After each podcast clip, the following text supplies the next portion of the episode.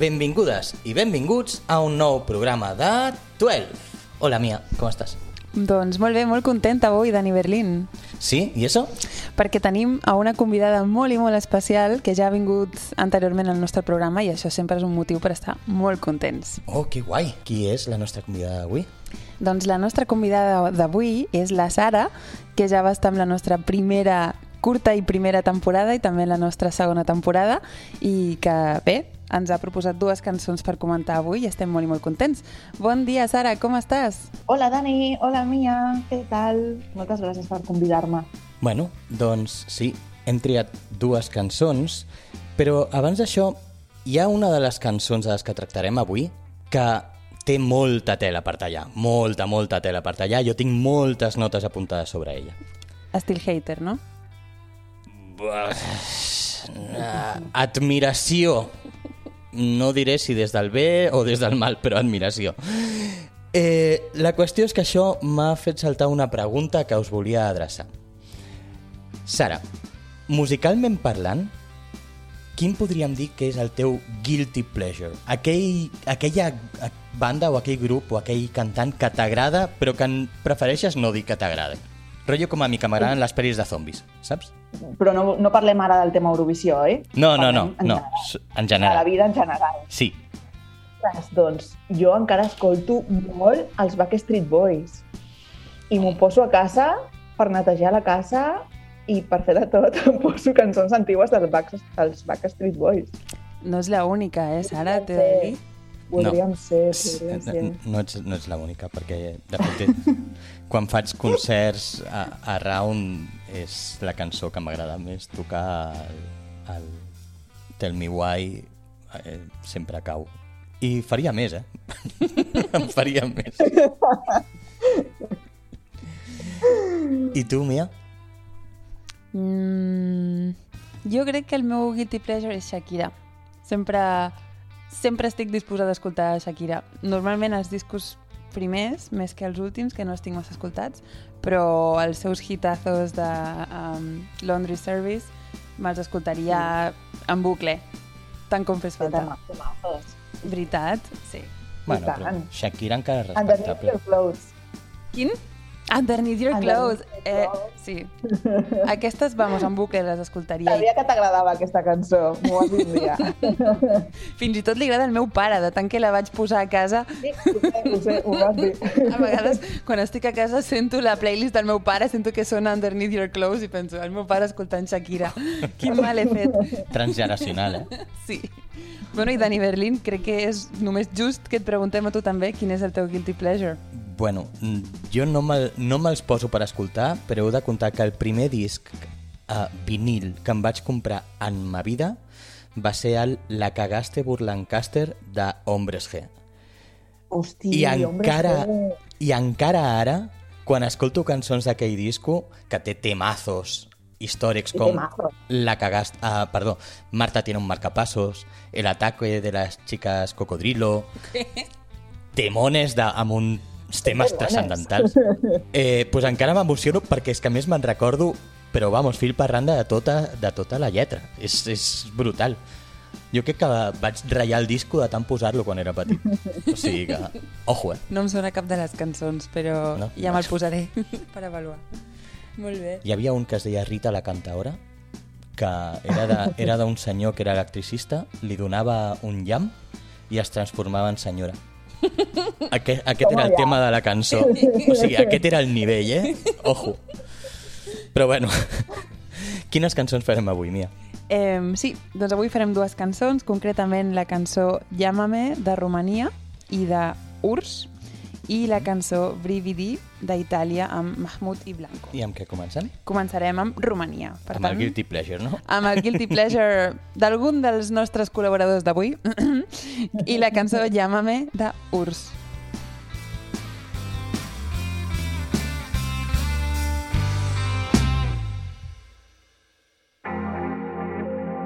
Knew that I was different than the others.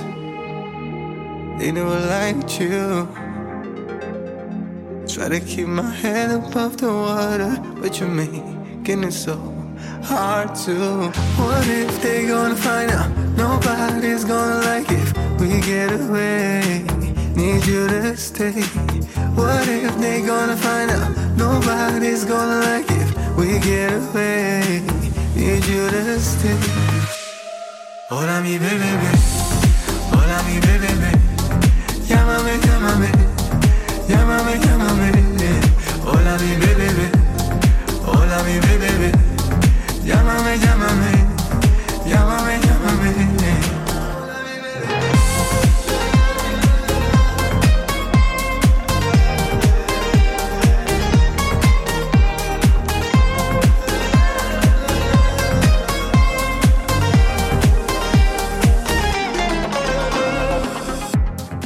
Doncs això és el Llámame de Urs, Ursu... Jo diria que WRS també són les consonants de Wars. Però, eh, no vull entrar tampoc en disquisicions d'aquest tipus. No vull dir que és de Wars ni res per l'estil. Eh, pobret. Eh, què us, què us sembla? Que... Comencem amb tu, Sara, que tu ens vas proposar a fer el hit romanès. Què és el que et desperta a tu? El Llámame. Bueno, és la primera cançó d'aquest any que he escoltat i que se m'ha quedat a la ment durant dies i dies només d'haver escoltat una vegada la cançó. Va ser com, no puede ser real. Era tot com, uah, la lletra, la música, um, com ballava, era com hipnotizante. és com que se't queda grava, gravada la sintonia del tiririt, tiririt, tiririt, tiririt, tiririt, i és com, uala, no puede ser. És veritat. Com definiríeu l'estil? L'estil, aviam... Mm, Jo he pensat electropop latino. Ei, Sí. crec que està ben pensat. Nosaltres estàvem parlant ahir i no vam aconseguir treure'n Sí, l'entrellat, ve- eh? vam, tenir, eh? vam tenir una discussió llarga sobre, sobre el tema, perquè a, a mi la cançó... Jo tinc, tinc moltes teories preparades eh, per aquesta cançó, o sigui que ja ho Ui. preparo. Guai, guai. Però una, una teoria que jo tinc, que em sembla que he dit alguna vegada ja, és la teoria del cercle. Jo crec que aquesta cançó és tan dolenta, tan, tan, tan dolenta, que és superbona. Vull dir, dona, la, dona la volta al cercle i es, Totalment. És- Estic és- d'acord amb tu, totalment. I és una genialitat, al final. Sí, sí, sí, dius, és que ningú pot... tan dolenta que és, és genial. Clar, clar. Respecte a l'estil, l'altra teoria que tinc és la teoria que tenia Hitchcock quan feia pel·lícules, que ell deia mira, si has de fer una pel·li que passa a Holanda, que passa, jo què sé, en un barri superxungo de Rotterdam o a tal, dona igual que sigui un barri xungo de Rotterdam. Tu posa tulipans i posa molins, perquè si no la gent no sap que és Holanda. Una pel·li a Bilbao, tu posa una plaça de toros i posa bailaores, que no n'hi ha a Bilbao, dona igual, la gent de fora d'Espanya no ho sap. Per tant, tu posa-hi allà perquè la gent s'enteri. I jo crec que això és el que fa aquesta cançó.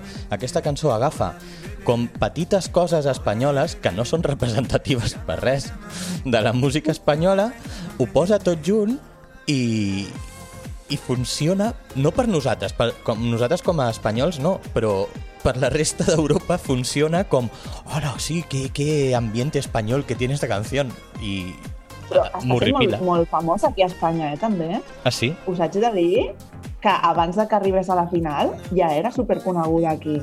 Què dius? Abans de que arribés a la final, ok. I era dir- única, m'imagino, de les cançons de Romania que s'escoltava, no? La única, la única. O sigui, Dani Berlín, la teva teoria... Bueno, bueno... Sí, a mi em recorda una miqueta, és una mica el, el síndrome del Loco Loco, no?, de Hurricane l'any passat.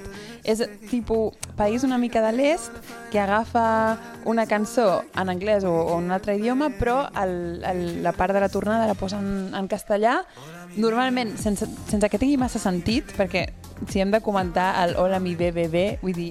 No, BBB, BBB. La BBB. Començant per què, què, què significa BBB. Exacte, no? És tot com per rimar, sempre.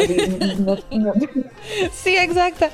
Però, i a més, així, té amb... cap significat. Exacte, i amb el ball així molt... posar molt d'èmfasis en, el, en el ball, amb el cas de Hurricane eren ties així molt despampanants i tant, movent-se molt a saco, en aquest cas el tio es nota que balla, és, és ballarí, de fet professional, i balla superbé. bé, perquè és una mica estil així similar, no? Latino de l'este. Per mi, jo no sé si, si heu estat massa dintre de videojocs i coses d'aquestes. No sé si us sona un joc que es diu Street Fighter, que és de, Sí. de l'any a la catapunt. Pues per mi, aquesta cançó, tot, eh? o sigui, la cançó, més els arreglos, més els balls i tot, és com si l'haguessin s'haguessin juntat amb, amb una habitació el lluitador espanyol que sortia a Street Fighter, que es deia Vega, i Àlex Gibaja. Si s'hagués- si s'haguessin posat junts en una habitació i haguessin dit vamos a hacer una canción. I llavors surt Hola mi bebé. O sigui, completament surrealista. Oh, està, està ben trobat, aquest símil. A mi la, la melodia aquesta, el tiriri, tiriri, no sé, em recorda a una plaça de toros, no sé, a la música que sents... O a una fira, ho estàvem pensant.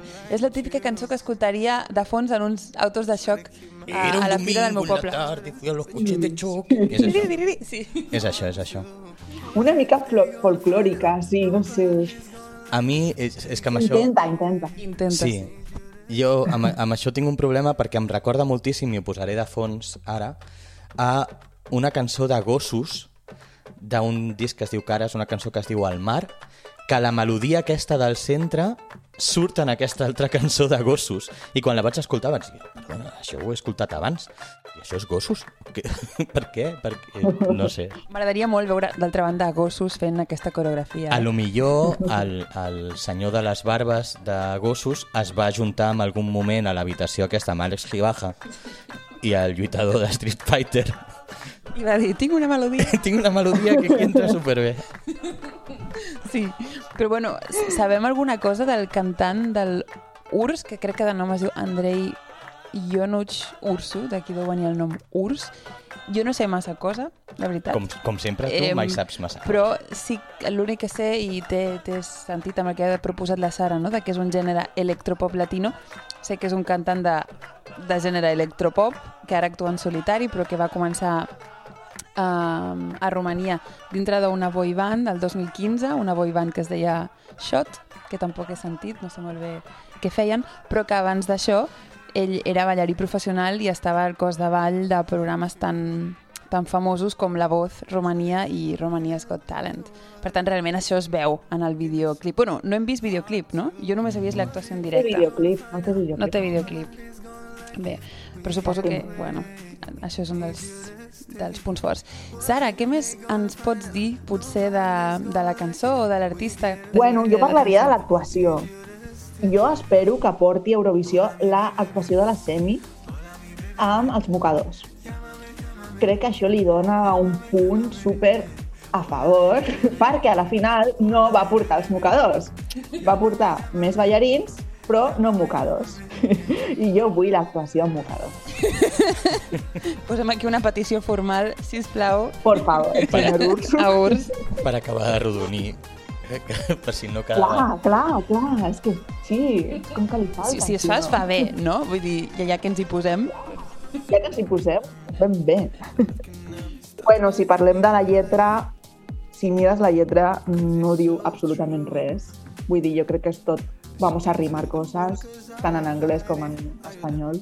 Bueno, la rima de llámame BBB, clar, és molt agafada amb pinces. És de pale. ¿Con qué rima llámame? Pues, bebé, ya, pero no, no cabe, pon otra vez. És, és, no, sí, al final parla, és el tema supermanit de eh, no escondamos más nuestro amor. Jo tinc una altra teoria Aviam. que crec que com que amb, amb tots aquests països de, de la zona est arriben tant les telenovel·les, jo crec que aquesta cançó està agafada directament de, de Un amor prohibido. Luis Alberto, no escondamos más nuestro amor. Jo crec que és aquest rotllo, però jo què sé. Té sentit tot més casa. Que, més que res perquè uh, jo vi, la semifinal dels mocadors no he vist, però uh, la de la final, els ballarins, quan, quan comença la part instrumental, com que criden i fan coses, i, i allò hi ha un moment que es converteix com una espècie de corrido mexicano, que comencen allà... I que dius, però això, això, això per què? O sigui, em recordo una mica el sombrero mexicano a les Rambles, una mica. Total.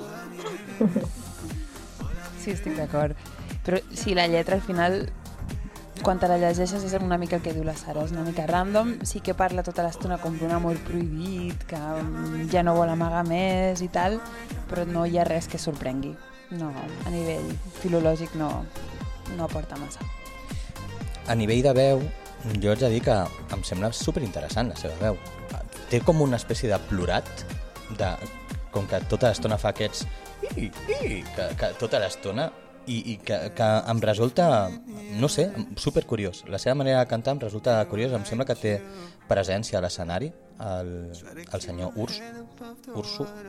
Jo estic molt confós amb aquesta cançó, jo ja us ho dic des del principi, perquè al mateix temps que m'horroritza, em fascina. És una mica a l'efecte loco loco que tu deies. Sí, sí, estem d'acord. He de dir que a mi també em fascina des del primer dia que la vaig escoltar.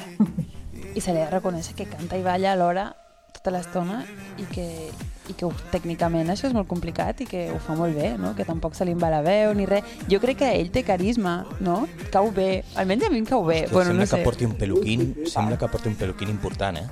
No sé si has vist el seu cabell, però...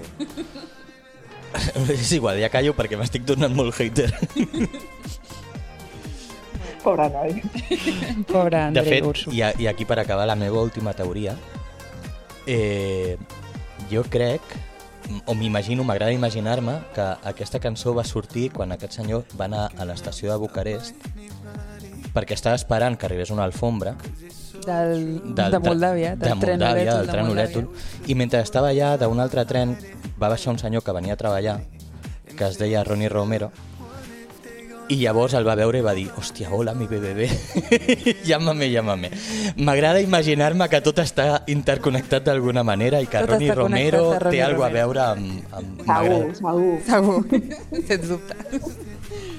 Bueno, en, en qualsevol cas, crec que la fascinació aquesta que tots tenim d'alguna manera per aquesta cançó va quedar clara també a la, nacional, a la selecció nacional de, de Romania perquè va ser la gran favorita, no? No, no hi havia gairebé... Jo no, no vaig veure la, la final, però es veu que no va haver massa competició. No, no, no, no. Ja ho tenien clar, eh? Sí, sí. Sí, sí.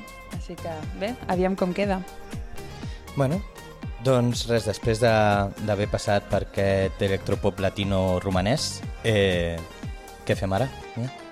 Doncs ara anem amb la cançó Brividi de Mahmoud i Blanco representant a Itàlia.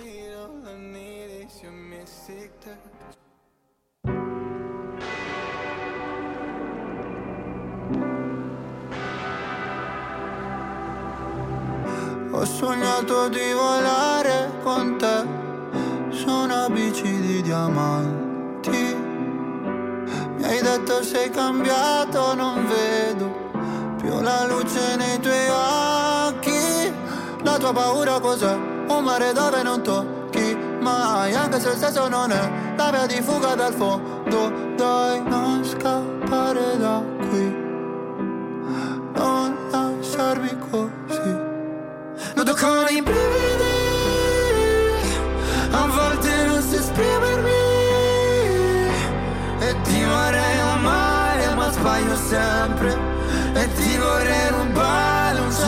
cielo di perle E pagherai per andar via Accetterei anche una bugia E ti vorrei amare ma sbaglio sempre E mi vengono i brividi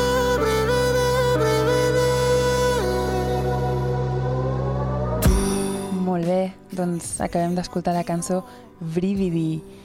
Uf, és una cançó, jo diria, intensa, no?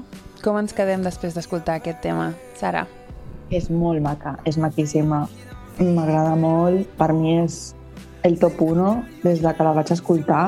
Bueno, he de dir també que per mi Mahmoud és un dels meus preferits des de que el vaig conèixer a Eurovisió, amb Soldi, i des de, des de llavors que m'agrada moltíssim. I totes les, gairebé totes les cançons, cançons que ha fet aquest, aquesta, aquesta última temporada m'agraden molt i Brividi és preciosa.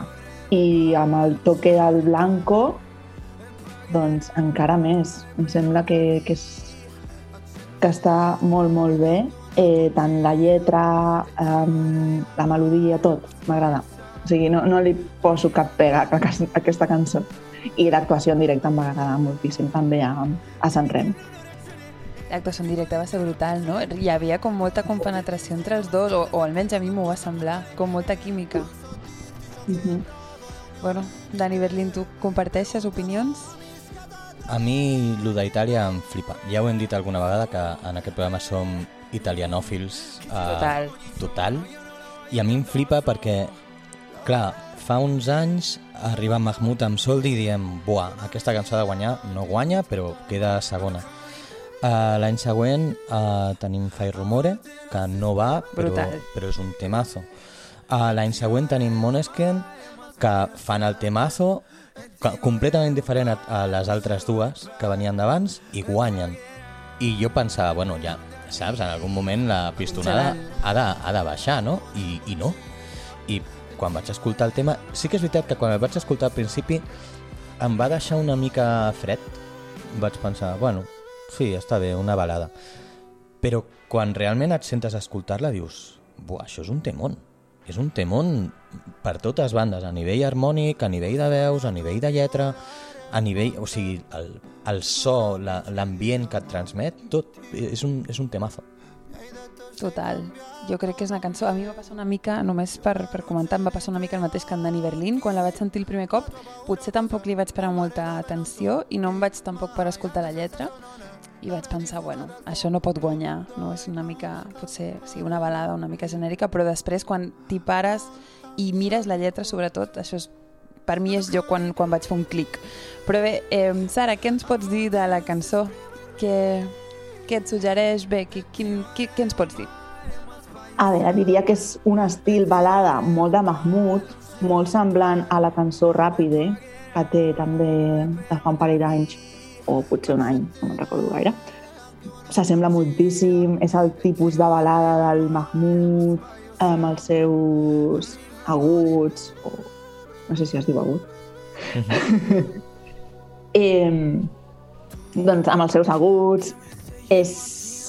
La, la lletra és maquíssima i bueno, ja només veure com va entrar a les llistes de- d'èxits de, de Spotify, que jo sóc molt de mirar les llistes d'èxits de Spotify, va entrar al top tant d'Itàlia com de llistes d'Europa, va entrar al top mundial. Vull dir, mm, això és que és un temazo. Una pregunta, tu que mires tant les llistes de Spotify, això és una que en Dani Berlin i jo realment no mirem massa, creus que ha entrat més amunt del que va entrar Soldi en el seu moment o està més o menys Sí. igual? Més No, amunt. va- molt més amunt. Sí, sí, sí. I Sí. comparat amb... Perquè jo recordo que hi havia molta d'això entre els fans espanyols de ah, ha entrat Itàlia i tal, però és igual, és l'Homo segueix estant favorita. També l'entrada de l'Homo va ser tan bèstia com... No, no, no. Slomo va trigar més a entrar. O sigui, vull, vull dir, Slomo va entrar a les llistes um, d'Espanya, però mundial em sembla que no va arribar a entrar mai. Va entrar molt més amunt eh, a Ai Mamà, Uau. a Espanya, que Slomo. O sigui, Slomo mai ha arribat, em sembla que mai ha arribat a, a, a la, a, al top com Ai Mamà. Eh, en canvi, Mahmoud i Blanco han arribat al top global, que això és complicat amb una cançó en italià. Bueno, a lo millor Måneskin van obrir una mica el camí perquè recordem Però que... Måneskin, Måneskin va entrar al, al, a, a les llistes de Spotify dels tops una vegada van guanyar Eurovisió, però no van entrar abans de, de guanyar Eurovisió. Va ser, el dia després, va ser quan tothom va anar a escoltar Måneskin. Que fort. Però a- Mahmoud i Blanco van anar al, alhora amb San Remo, quan van guanyar San Remo, i això em sembla molt guai. Vull dir que la cançó és, és, és genial si ha arribat a, tan alt. Sí, el, el que volia dir és que potser el camí que va obrir Måneskin per guanyar, al final Måneskin ara estan fent les Amèriques, estan, estan allà sortint a mogollon de shows i tal i qual, i la gent està flipant, diguem, amb el carisma que tenen a l'escenari, amb la manera que tenen de fer i tal, i a lo millor això ha despertat algun tipus de, de gust per Sí. lo italià una altra vegada. Eh, dic una altra vegada perquè en algun moment en el passat també pues, el Volare va donar molt fort, tota la influència de Dean Martin als Estats Units eh, i tot el rotllo aquest italià ha donat molt fort i a lo millor per culpa d'això pues ara la gent està pendent i diuen, hòstia, aviam què, què ha tret Itàlia ara. Segurament. No, que com tu dius, Dani, segurament Måneskin han obert les portes a que el món s'interessi per la música italiana. I Sanremo és un escaparate per veure tota la música italiana del moment. Ara que dius Sanremo, parlem de Sanremo. Qui Sí. pot veure Sanremo sencer? O sigui, Coneixeu algú que hagi vist mai Sanremo sense sencer? morir? Suposo que Ah, Amadeus. impossible. Bon, que són 5, 7, 6 dies de 4 hores, 5 hores, acaba com a les 2 i mitja del matí. Entre setmana, si només fos caps de Entre setmana, però setmana. entre setmana. Vull dir, La gent deu anar com zombis. Eh, però miraves les audiències i feien el 60-70% d'audiència a Itàlia. És, És brutal. Sanremo. és molt guai. Però jo, veient, veient Sanremo, eh, em vaig alegrar molt de com Espanya havia muntat el Benidorm Fest, perquè vaig pensar, joder, estem fent el mateix amb, per mi, en, en quant a propostes musicals, amb més qualitat, perquè jo vaig veure moltes més cançons guais a, a Espanya, tenint en compte que teníem molt poques. Teníem 16, no? Eh, o 14. Eh, comparades amb les 18 d'Itàlia, és que a Itàlia hi havia molta púrria, i a més és que t'ho posen amb, amb 5 nits, allà, que si ara la versió, i després el rotllo aquest de estoy encantado de conocerme y os traemos a esta eh, folclórica italiana de que triunfó en los años 50 y le hacemos aquí un homenaje de tal i ens oblidem que estem en un concurs durant 25 minuts i és com, per favor, o sigui... Una mica eh, noche, noche de fiesta, no? També. Total. Sí. Fan un mix entre festival de música i noche de fiesta. Falta el José Luis Moreno amb els ninots. Dios. Sí, sí. Espera, dona-li temps. Però és supercuriós que fins i tot, fins i tot amb això surten propostes, al final el guanyador de Sanremo acaba sent una proposta superinteressant. És, és el més curiós de tot, que dintre de tot aquest batiburrillo que dius d'aquí no pot sortir res bo, d'aquí sortirà el Chiama mi, chiama mi i no, surt una cançó que, que està bé. Tampoc sé quantes cançons es presenten realment a Sant Remo, vull dir, la, la base de que tenen per escollir els participants potser és molt més extensa que en altres festivals, no ho sé. És possible. I també no s'ha d'oblidar que no estem parlant d'un artista mm, desconegut que hagi arribat a Sant Remo i hagi guanyat així perquè sí, és que estem parlant de Mahmoud que ja va guanyar el 2019 que, que porta una qualitat i un bagatge amb ell mateix, vull dir que no que sí, que, que Sant Remo normalment envia cantants bueno, a bandes molt bones, però és que en aquest cas és una banda que, que ja, bueno, un cantant que ja coneixem i que ja sabem que té molta qualitat. I crec que Mahmoud ha fet una cosa molt intel·ligent, que és portar a Blanco amb ell dintre d'aquest projecte, perquè jo crec que el 2019, quan va sortir Mahmoud, va ser com una mica artista revelació i un estil una mica revelació, jo crec, per Sant Remo, i ara, potser tres anys més tard, que tornés a presentar-se Mahmoud, potser deixaria de tenir aquesta, no sé, aquest component de, de sorpresa i crec que haver portat a Blanco, que té tanta atracció avui dia a xarxes socials i que és tan jove i té tant d'èxit, crec que fa que segueixi renovant el seu estil i fent-lo rellevant. Guanyador de, Perquè- de, de Sanremo més jove de la història, 18 anys. Ojo, eh? 18 anys. Mm, un baby. Total. I a més, Mahmoud no té res a veure la cançó de Soldi amb Brividi. És molt diferent. O sigui, aquesta és una balada, superbalada italiana, tal. I Soldi era més trap, no sé com definir però que els estils, o sigui, va portar un estil primer i ara porta un altre estil. Està molt bé. Sí, sí, es reinventa. Mm. Jo volia preguntar-te, Sara, tu que, que, bueno, que has seguit molt més la carrera de Mahmoud eh, durant aquests, aquest, aquest impàs entre Eurovisió i Eurovisió, quin és l'impacte que té un personatge com Mahmoud a la societat italiana? Perquè a mi el que encara em flipa és que segurament dels països europeus, diguem, dintre de, din- dintre de la zona euro, segurament més tradicional respecte a temes de, de bueno, doncs, el, a l'amor gay i el tema de la immigració. Recordem que quan va anar la primera vegada estava Salvini com a primer ministre italià. Això de que gairebé per aplastament torni a sortir un altre vegada Mahmoud com a representant, com, com ho porta la societat italiana? Com, com pot ser que passi això? Doncs sí, sí, és curiós, eh? Perquè és una societat tan tancada, tan, tan, tan catòlica, no? Que triomfi un noi amb ascendència àrab, eh, que va sortir de la- de l'armari després d'anar a Eurovisió, que faci cançons tan parlant de, del seu amor. Eh, sí, sobta bastant que, que triomfi tant com està triomfant a, a Itàlia i vull pensar que les noves generacions no són tan tancades, tan catòliques i tan eh, salvinistes com, com les antigues. Vull pensar que això és com una salvació, diguéssim. Jo sentia ara, ara fa poc, o llegia, que es veu que en una entrevista li van, li van preguntar ui, pues aquest any, tal i com cau Eurovisió, tal, i com, com faràs el ramadan? I ell va contestar eh, no que tingui origen, eh, origen egipci no vol dir que sigui musulmà, és que sóc catòlic. I l'altre es, es va quedar com, com? I, i, i li va patar el cap perquè era... Però clar, aquesta és la manera, suposo, de, molt, molt tradicional de les coses, pal de, bueno, pues tu eres egipcio, pues, pues musulmán, i, i a saber el que deuen pensar del fet que hagi sortit de l'armari. Eh, però bueno. Eh, I això ens porta a el que tu deies ara, Sara, sobre el tema de la lletra. Puc començar amb la lletra, potser, de, de què parla la lletra. Pel que jo he entès, eh, la lletra, bueno, brividi vol dir calfreds, no? I la lletra en general, el tema és sobre les inseguretats d'aquelles persones que no saben expressar els seus sentiments o que no saben estimar, dit d'aquesta manera, no? I de, de com se senten d'insegurs i de com, bé, de quins problemes eh, tenen. I parla sobretot això, de la vulnerabilitat, de la inseguretat i de la incapacitat de- d'expressar. De, Això és el que jo he entès, eh, però Sara, què ens pots dir de la lletra de Brividi?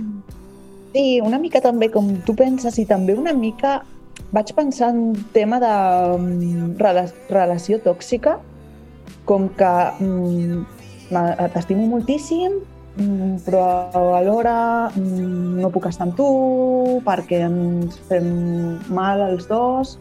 Vaig pensar en, també en tema relació tòxica. Té sentit, no? Perquè hi ha un moment que diu visc en una presó, tal, no? Et dona imatges així com de d'alguna cosa que no va bé. Exacte, de que no és, no és tot sa, com hauria de ser. I a nivell d'estil, Que, que Mahmoud és un, molt així, eh? Totes, moltes cançons de Mahmoud van molt pel tema de relació tòxica i, i fer-se malament l'un al- a l'altre. Sempre toca aquests temes, ell. Uh, tornant un altre cop a l'entrevista aquesta que vaig llegir, eh, el periodista es va cobrir de glòria perquè li va preguntar escolta'm, i, i això de que cantis sobre l'amor gay i tal, i es veu que ella es va, es va enfadar una mica i li va dir, no, no, perdona, jo no parlo d'amor gay ni amor heterosexual, jo parlo d'amor, punt. Dona igual a qui estimis ni a qui deixis d'estimar, no vull que convertiu aquesta cançó en un estàndard de eh, això només és per gais o això només és per gent heterosexual o això a mi no em toca. No, això és una cançó que va d'amor i dona igual o sigui, una relació, de, com dius tu, Sara, una relació tòxica, una relació eh, en la qual no saps com actuar i t'acabes fent mal i tal, li pot passar a qualsevol tipus de parella. No, no, no pots encapsular només amb un tipus de parella. I, i això, res, només posar de rellevància la incompetència del senyor periodista que seguia cobrint-se de glòria. molt bé, acomiadarem. I, I és veritat, i com a punt per donar suport a aquesta, a aquesta no, visió de que es tracta d'amor i no de cap tipus d'orientació sexual, eh, Blanco, o jo vaig sentir una entrevista en què Blanco deia que la lletra l'havien escrit entre els dos i que cada un d'ells va aportar eh, situacions de les seves respectives relacions, no? I que al final van agafar, ho van posar junt i ja està. I no, no, no es tracta de només de, bé, de res que tingui a veure. De fet, respecte a això, eh, eh, ho va explicar en Mahmoud, la manera que van tenir a composar la cançó, quan es van juntar, ells van parlar de, de la tornada. La tornada és el primer que van composar, I llavors, a partir de la tornada, cada un va dir, vale, pues mira, l'estrofa anirà per aquí, tu fas aquesta i jo faig aquesta. I la primera part, eh, que és la que ha cantat Mahmoud, és de Mahmoud, la segona part la composa Blanco. Es noten els dos estils completament diferents a l'hora d'abordar la manera de fer melodies. Potser Mahmoud tira més cap a, a jugar amb el ritme i, i a jugar amb, amb ficar frases ràpides, lentes, eh, amb els falsets cap a dalt i tal. Blanco és molt més melòdic, eh, a mi ja fa una cosa que no m'agrada, que és posar els accents on no toca, eh, matinó, vinó, pelé... A mi això no m'agrada, però bueno, eh, vull dir, ell sabrà, és italià, jo no.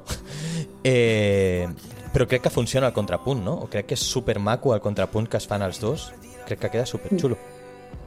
Sí, jo crec que sí, que, que és um, el millor de la cançó em sembla que és que mm, no només hi participi Mahmoud, sinó que Mahmoud compta amb el Blanco per anar a Eurovisió i es penetren perfectament amb aquest tema. I no sé si heu vist el videoclip, és maquíssim, està molt ben fet i, i és, és molt guai. És molt bonic. I, i reflexa Sí. moltes parts de, del que diu la lletra, no? I moltes imatges. És molt bonic. És molt maco, és molt maco. Però és molt poc italià, també hem de dir. Vam veure, quan estàvem veient el Ja. paisatge, dic, però això no això és, és... Anglaterra. és això... Anglaterra. De fet, Sí, és molt fred, és com molt fred, no? El vídeo Sí. és el que vol reflectir una mica la cançó, no? És una relació una miqueta freda i, al cop, i a la vegada no. Jo haig de dir, crec que com a últim apunt, eh, a mi la cançó m'agrada moltíssim. Crec que és... Cada any sempre ho diem, sempre t'emportes alguna cançó d'Eurovisió com, hòstia, mira, aquest any que guai que, hague- que haguem descobert aquesta o que haguem trobat aquesta cançó, el que sigui. Clarament aquesta cançó jo me l'enduc d'Eurovisió ja com una de les cançons que passaran a, al meu playlist de Spotify, però al marge de que m'agradi o no, crec que té un problema la cançó i és que crec que és arriscada per portar a, per portar a Eurovisió. Ahir, no sé si us recordes, Mia, ho parlàvem respecte respecte a una altra cançó que ja farem més endavant, que és la cançó d'Anglaterra. I aquesta aquesta tendència a, als cantants masculins tirar cap a dalt amb el falset, amb els aguts. Eh, que al final tu tens la tessitura que tens i quan fas això t'estàs arriscant a que si aquell dia no estàs bé de veu per lo que sigui eh, ho pots passar molt malament perquè si és només un detall amb una part de la cançó que és un detallet per, per fer la floritura i, i ja, doncs ja està. Però si és una part central de la cançó és allò que dius, és que si no faig aquest agut la cançó no s'entén perquè la melodia ja no és la d'això, la part que crida l'atenció ja no és ja, ja no existeix pues és complicat defen defensar-ho perquè ho has de fer. I en aquest cas l'agut de, de Brividi quan fa el Brividi al principi de la tornada està amb el límit de la teva de lo que pots fer amb la veu natural i, i el que fas amb el falset. Ho sé perquè me l'ha intentat treure i tocar-la i sé que té un punt de complicació aquí. I a més he vist alguna actuació en directe de, de Mahmoud fent-la i, i rasca, rasca bastant.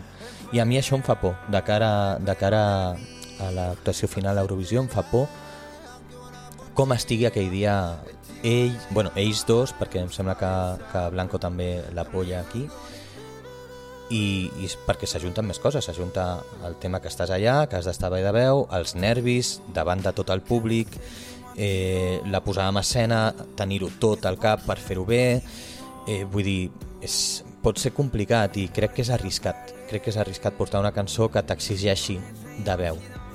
Però bueno, eh, és la meva opinió, o el meu final opinion de, de la cançó. No, que crec que això ta- també s'ha de tenir en compte, no? que portin una cançó vocalment tan arriscada i els hi pot sortir molt, molt bé o molt malament, segons el dia. Però em sembla que és un punt a favor mm, arriscar-se a fer-ho. Ja, però el problema és que et surti com, com a Blas Cantó l'any passat. També és veritat que potser, mm, home, serà un problema si per defecte no li surten, no arriba als tons, no? Si està sempre que no dona ni una. Jo crec que el públic perdonaria una errada petita perquè potser el punt fort d'aquesta cançó és el que transmet a un nivell emocional i això no és només a, a través de l'afinació. i jo crec que jo tam, a San Remo sí que ho van fer molt bé, però jo sí que vaig veure un parell de cops que potser no estaven del tot afinats, però com que hi havia tanta química entre els dos i la cançó transmetia tant, jo crec que això el públic ho perdona. Per tant, sí, molt malament hauria, jo crec que molt malament hauria d'anar, però jo m'imagino que els dies anteriors estaran fent bondat tota l'estona i que estaran guardant-se la veu. Una pregunta seria potser per Dani Berlin, tu que ets una mica més tècnic, podria funcionar la cançó si es baixés una mica el to, igual? Sí, perfectament. Mm. El problema... Aviam, això es pot fer, baixar un to la cançó, no crec que ningú, que ningú ho notés. No crec que absolutament ningú ho notés. Eh, vull dir, això ho notes si escoltes si les escoltes les dues seguides. Aquesta cançó, cançó està en sol, si la, va estar en sol, la veritat. Eh, si la baixes a fa eh, i tu escoltes les dues seguides diràs ui, què ha passat aquí? Està com més apagada. Però si tu escoltes directament avui, avui et posen la, la cançó baixada un to, tu no ho notes. No ho notes per res. Eh, a no ser que siguis molt fric. Però, vull dir, no, jo crec que seria factible. I de fet és una cosa que moltes vegades molt, molts cantants ho fan. Vull dir... A David Civera, no? Li van baixar un to abans de sortir? David Civera... O és un rumor? Jo diria que és un rumor. Ah, vale, vale, perdó.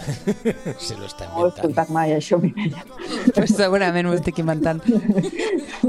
No, però hi ha moltes, hi ha moltes bandes en directe que quan ells porten la cançó a l'estudi doncs la cançó està en un to, però després ja per sistema, quan van al directe, hi ha cançons que les baixen un to, dos tons... Jo he arribat a veure a Is This Love de Whitesnake baixada tres tons, tres tons, que és un, que és, això sí que es nota moltíssim, eh? però molt, perquè de cop i volta les guitarres que abans sonaven alegres sonen com, com molt greus però bueno, al final compten altres coses del pal de, bueno, jo vull fer la cançó i compten la meva presència a l'escenari, compta...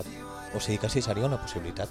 I potser ja pa- per últim només tocar el tema de la posada en escena. Algú té idea de com, o teniu una visió de com creieu que pot ser la posada en escena?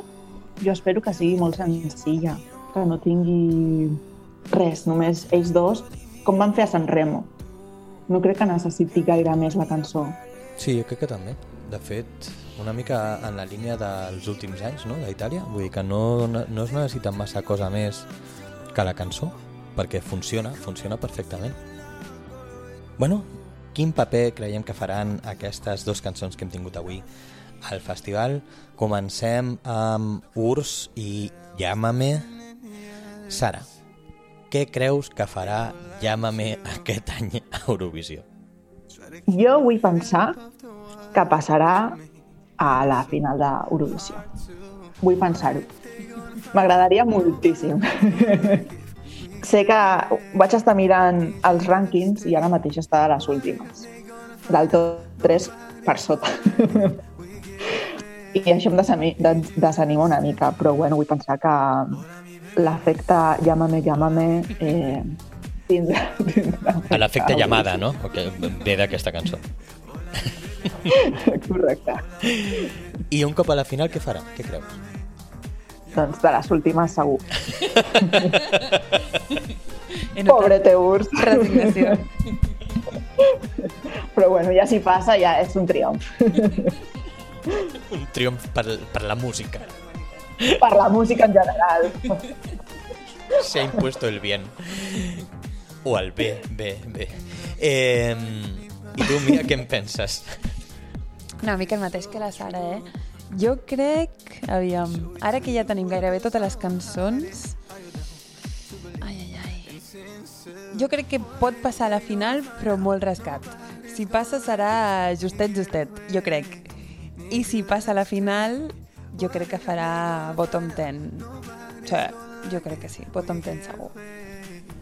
Doncs jo discrepo. Discrepo. Jo crec que aquesta cançó passa a la final segur. Segur. O sigui, no tinc dubte que estarà a la final. Hurricane va passar. Mhm. I un cop a la final, jo crec que quedarà entre el 10 i el 15. Jo crec que estarà a les portes del, del top 10, perquè jo crec que aquesta cançó, com bé començàvem al principi del programa, és a, serà el guilty pleasure de molta penya. Sigui, serà aquella cançó que... No, a mi, a mi no, no me gusta. Sí, sí, però votes ahí. Jo, jo crec que, que estarà por ahí, eh? Què passarà si queda per sobre de Slow Mo? Hòstia, això seria una debacle nacional, eh? Igual. Sí, sí. Bé, Vale. I ara passem a Brividi, de Mahmoud i Blanco. Eh, Sara, Jo crec que ha de quedar al top 3. Si no guanyadora, top 3. M'agradaria moltíssim que guanyés perquè, perquè és Mahmoud i perquè m'encanta i perquè la cançó, cançó és preciosa. Però si no guanya, jo espero que quedi a, a un top 3. mm, jo també voldria que quedés en top 3. Crec que pot ser que quedi en un top 5, potser, veient algunes de les cançons que han sortit ara, com Regne Unit, veient també Ucraïna, el que està passant, veient algunes altres també que estan pujant fortes. Per tant, jo crec que quedarà, farà un top 5. Molt digne. penso igual que vosaltres. Vull dir, segurament és, si no la meva favorita, entre les meves tres favorites per aquest any. Eh, han entrat molt fort UK, que també haig de dir que està entre les meves favorites. Eh, I després està, com tu dius, i vam comentar en el programa anterior, el tema d'Ucraïna. A mi m'agradaria que guanyés. Això és el que a mi m'agradaria. O sigui, si, si depengués només de mi, jo diria guanyadora. Ara bé, el que crec que passarà és que es quedarà un alt pobre Mahmoud. Es quedarà una altra vegada a les portes de guanyar Eurovisió. Jo crec que quedarà top 3. Sí, top 3. Però una cosa, jo crec que potser no guanya, però potser passarà com va passar en el seu moment, en què no guanyarà, però potser serà la cançó amb més ressò mediàtic i potser s'emportarà fins i tot més escoltes que, que el guanyador, no? Jo crec que això és molt probable que passi. De fet, segurament ja ho és. Segurament Brividi té moltes més escoltes a, a, en general a Spotify que qualsevol de les altres. Però bueno, aviam, aviam com evoluciona el tema UK, perquè UK ha sortit fa no res, bueno, estem, estem gravant un diumenge, aquesta, la cançó de UK va sortir dijous, si no recordo malament, i, i està pujant molt, molt ràpid, està tenint molta transcendència, però bueno, ja, ja parlarem quan arribem al programa de, de UK. Però ja veurem. Bueno, doncs aquest ha sigut el programa d'avui. Uh, esperem que us hagi agradat. Sí, i sobretot per part nostra donar les gràcies molt i molt fortes a la Sara per estar avui amb nosaltres i per venir a donar la seva opinió i els seus comentaris. Moltíssimes gràcies, Sara, esperem que t'ho hagis passat molt bé. Moltes gràcies, Dani, moltes gràcies, Mia, i fins a la propera. Molt bé. Llámame, llámame. I jo crec que el que està fent la Sara ara mateix és un missatge subliminal per demanar-te que facis una versió de Llámame, llámame. Plau, Dani. D'acord, faré una versió, però no de Llámame, Llámame. Avui us porto una versió, ja, es, ja us vaig dir amb el programa de Macedònia que intentaré fer cançons d'algun dels països que hem tractat aquell dia i com a bon italianòfil no podia deixar passar l'oportunitat de fer una versió italiana. I he triat la cançó de l'any que no va ser, eh, de l'edició del 2020, Diodato Fai Rumore. Molt bé, doncs amb això ens acomiadem. Moltes gràcies a tots i Dani Berlín, t'escoltem. Adeu. Adeu. Che cosa penso? Che non dovrei pensare. Che se poi penso sono un animale. Se ti penso tu sei un'anima. Forse questo temporale che mi porta da te. E lo so non dovrei farmi trovare senza un ombrello anche se ho capito che quanto i fuoca torno sempre a te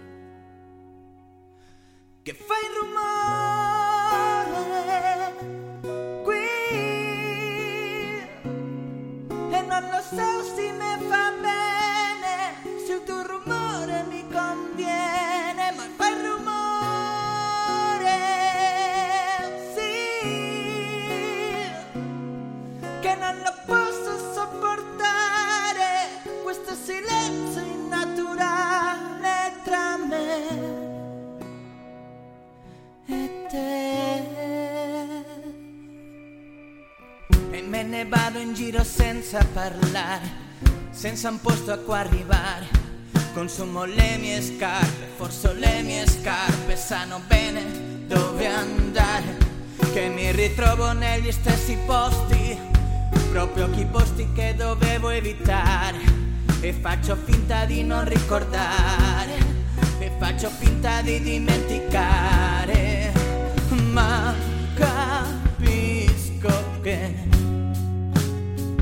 quanto i fuca torna.